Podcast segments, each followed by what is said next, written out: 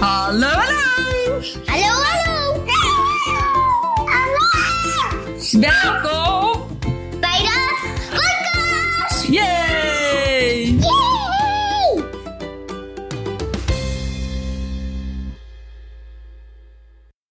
Hallo! Nou, ik deelde van de week al heel eventjes, maar dat hebben jullie misschien helemaal niet gezien als je wel mijn podcast luistert, maar niet heel erg op Instagram zit. Eh, dat ik iets. eh, ja, donderdag was echt een hele leuke dag. Je liep al een tijdje te zeuren dat hij. eh, nou, eigenlijk moet ik eerlijk zeggen, hij zei vorig jaar: nee hoor, dat doe ik wel. Ik doe toast wel in, inrijden. Hij doet zo hard lachen. Zeg, dat is best een vak apart, maar dat vond hij van niet. Dus hij liep al een tijdje te zeuren dat hij het en wel makkelijk vond, er, makkelijk vond uitzien. En dat hij heel graag wilde, wilde een keertje wilde paardrijden om te voelen hoe dat dan voelde. En hij snapte dan niet zo goed wat ik dan bedoelde, waarom hij dat dan niet kon doen. En ehm, ja, misschien zou het wel goed gaan, hè, want dat weet ik helemaal niet. Misschien eh, is Toos super braaf en vindt het helemaal goed. Maar ik zeg heel vaak, gaan mensen dan knijpen. Als je paard rijdt, dan weet je wat ik bedoel.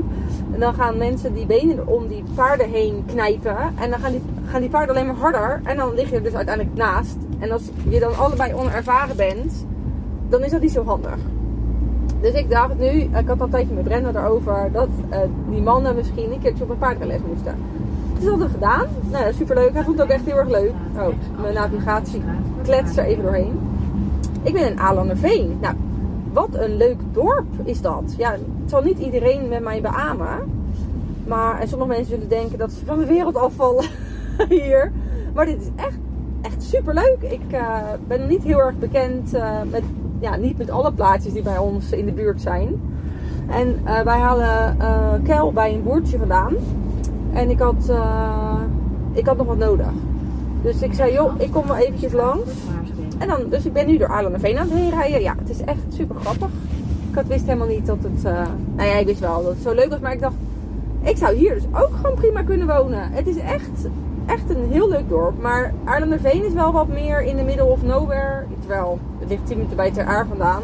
Maar Ter Aar heeft op zondag ook nog wel gewoon winkels die open zijn. Dus ja, ik vind heel eerlijk Ter Aar niet heel veel verschillend dan van een ehm, ander, ja, Oesgeest bijvoorbeeld. Want ik denk, hier is alles op zondag open. De Hema, de Kruidvat, de Action, de Vomar. Vomar is echt een mega grote supermarkt. Eh, wat hebben ze hier nog meer? Nou, genoeg in ieder geval.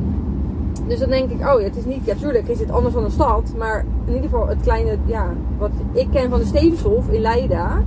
Is ook zeg maar een soort klein, klein, heel klein winkelcentrumtje. Nou, dat was ook open, maar dat, dat is dus hier ook. Dus ik vind eh, dat je alles in één handomdraai hebt. Dus ik vind het helemaal leuk. Het is ook gewoon leuk om er doorheen te, te rijden en de buurt wat beter te leren kennen. Maar voordat ik dus met JP op paardenles ging, ben ik eh, naar Angelique gegaan. Angelique, daar mocht ik een keer, eh ze mij, nou ja, dat is iemand vanuit JP's werk, dat is dan de vrouw Angelique. Die ehm, vertelde dat ze iets aan handreiking deed en dat ik een keertje zo'n sessie mocht doen om me gewoon wat beter in mijn vel te laten zitten tijdens mijn chemo. Dus dat heb ik gedaan. En ehm, ja, dat was al super fijn. En toen vertelde zij dat ze inderdaad ook hypnoses deed. Dus dat vond ik al interessant, omdat ik daar ook al een beetje mee bezig was met die, eh, ja, nou ja, ik, heb, ik had vroeger eh, ook nooit iets met mediteren gedaan, maar ik merk dat ik dat dus ook heel eh, fijn vind, nu, nu ik dat doe. En met die doelenwerk en met dat manifesteren en dat je dan ook, want wat ik soms ook wel zie, kijk, manifesteren is niet, ik wens iets en ik krijg het. Dat is het niet, want dat is wat heel veel mensen dan wel denken. Maar het is niet dat ik het ergens, natuurlijk ik schrijf het ergens op en ik schrijf mijn doelen op. Maar dan ga ik dus mijn focus ergens anders opleggen. En dan moet ik nog steeds heel erg in actie komen. Of ik, oh, ik moet even mijn navigatie uitzetten. Nou ja, in ieder geval, of ik moet iets gaan doen. Iets, actie gaan ondernemen. Of ik moet even gaan onderzoeken waarom ik dat nog niet heb. Of waarom ben ik daar nog niet? Wat zit er dan bij mij? Wat mij dan een soort van nog blokkeert. Dus of, eh, nou dat herkent iedereen. Dat je bang bent om een nieuwe stap te nemen. Ehm, bijvoorbeeld, je wilt ander werk. Dat is eigenlijk het meest voorkomende die ik ook bij de meeste mensen hoor. Of een ander huis. Weet ik veel. Gewoon iets redelijk simpels, denk ik. Nou ja, nee, is misschien helemaal niet simpel. Mensen denken, ja, wat de fuck is niet simpel. Maar je wilt iets anders. Maar je blijft toch vastzitten in je oude patroon. Omdat dat veilig is. Omdat dat, nou, weet ik veel. Dat is van alles mee. En dan schrijf je het op. Ja, dan is het niet zo dat als jij opschrijft ik wil een nieuwe baan. Dat jij dan een nieuwe baan krijgt. Ja, het, zou... Als je sommige manifesteerders hoort, mensen die zeggen dat dat wel zo is. Maar dat is niet helemaal zo. Want het ligt er dan ook een beetje aan wat er bij jou dan zit. Waarom, waarom heb ik die nieuwe baan dan nog niet? Wat is het wat jou dan tegenhoudt? Vind je het eng? Vind je het spannend? Vind je het... Eh, heb jij een keer een onwijs rotervaring uh, gehad? Uh, nee, in ieder geval, er is iets wat jou blokkeert, waardoor jij dus nog niet een nieuwe baan hebt gehad. Want anders, heel, gewoon als je heel simpel bekijkt, had je al een andere baan gezocht en had je dat al gedaan. Nou, dat is een beetje ook. Um, nou ja, dat is hoe ik manifesteren zie. Dus je wilt iets, daar ga je je focus op verleggen en dan ga je ook een beetje dieper graven van: oké, maar waarom wil ik dat? Waarom lukt dat niet? Waarom kan het niet? welke Oh, het zou ook kunnen zijn, ik wil een nieuw huis, maar ik heb niet genoeg geld. Oké, dat kan. Maar hoe kan ik het dan wel creëren? Of dan, als je een goede energie hebt, dus als je daar heel positief naar blijft kijken, dan kunnen er wel ineens dingen op je pad komen. Dus dat is wel zo, maar je moet wel gaan onderzoeken of actie gaan ondernemen. Nou, nu dus even terug naar Ashley. Uh, met die handreiking, dat dat is dan natuurlijk niet. Dat is dan wel gewoon liggen op de bank en dan um, maakt ze je energie zeg maar weer heel. Ja, de, ik doe hier vast tekort mee, maar nou ja, het voelt voor mij dan of je dan weer een soort van opgeladen bent en weer heel bent. En uh, oh, wacht even hoor. Ja, ik heb, ik heb mijn bestemming behaald. Ja. Het was echt één rechte weg trouwens. maar dat wist ik natuurlijk niet. En uh, zij deed dus ook hypnose. Dus ik dacht, ik had al een keertje bij een andere cursus gedaan. Maar dat was dan gewoon via een, uh, met de oortjes in. Dat, ik dan, uh, dat je dat dan deed. Toen vond ik het al grappig wat voor inzichten ik toen heb gekregen. Want het zijn vaak gewoon inzichten die je krijgt waarmee je dan aan de slag gaat. En waarmee je dan, ja, als het ware een soort van komt bij dat doel. Als ik het zo een beetje goed zeg. Dus ik zei, uh, wat, ik was gewoon nieuwsgierig, want je hoort dus heel veel positieve dingen over dat hypnose. Dus ik was er gewoon heel erg nieuwsgierig naar. En eigenlijk meer met de vraag van, oh, wat, uh, ja, als ik dan nu zou kunnen kijken van wat, wat zit er dan, um, ja, waarom heeft mijn lichaam dus besloten om ziek te worden? Zo'n vraag kun je dan bijvoorbeeld inbrengen, maar je kan ook van alles, je kan van alles inbrengen, maakt niet uit. Maakt niet uit. Al zou je zeggen, ik vind mijn grote teen niet mooi.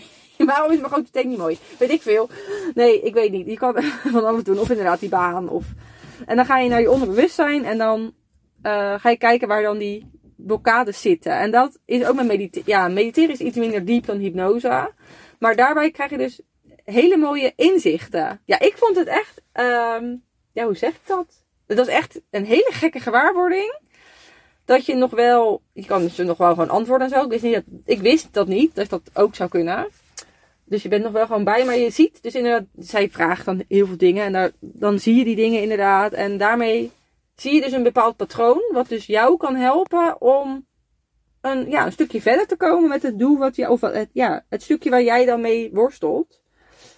Nee, het was echt, uh, ik zou het iedereen aanraden. Maar ik heb toen ook ooit een keer een familieopstelling gedaan. Vond ik toen ook heel erg mooi. Dat heb ik met Nikki uh, gedaan. Nikki en, um, oh, nu ben ik haar naam kwijt. Wat erg. Nou, ik weet het even niet. Het zijn in ieder geval vriendinnen. En dat was toen ook echt uh, een soort van, ja, een ander inzicht krijg je dan. Uh, in hoe je dan of er naar, tegenaan kan kijken. Of je hebt gewoon het probleem, ik noem het even het probleem, verkeerd gezien. Anders gezien. Dus het is een soort van omdenken bijna. Ja. Ik weet niet, ik vond het echt super leuk en waardevol om dat een keer gedaan te hebben. Ja, ik raad het eigenlijk iedereen aan. Maar ook sowieso uh, het manifesteren zelf zou ik ik weet dat niet iedereen daar inderdaad in die wereld dan zeg maar zo over denkt. Maar het is gewoon op een mooie kijk naar de wereld. Uh, om te kijken hoe jij ja, jouw mooiste leven dan kan leven. Met de. Ja, hoe zeg je dat? De problemen die. Ieder, ieder mens heeft natuurlijk zijn eigen shit. zeg maar zo te zeggen. Om dan te kijken hoe, daar, uh, hoe je daar dan mee omgaat. Om. Um, nou ja, niet over de shit te hebben. maar over. Uh, ik ben ook weer lekker aan het werk. En op mijn andere, dat deed ik ook wel op Instagram hoor, een heel klein beetje, ben ik veel meer bezig met dat stukje te delen. Dus heel erg naar te kijken naar hoe kan je ook inderdaad, oh nou ook wel weer een beetje dat stukje, een puzzelstukje daarvan, om te kijken hoe iemand weer goed in zijn vel kan zitten. En te kijken van waar kan ik dan die balans vinden.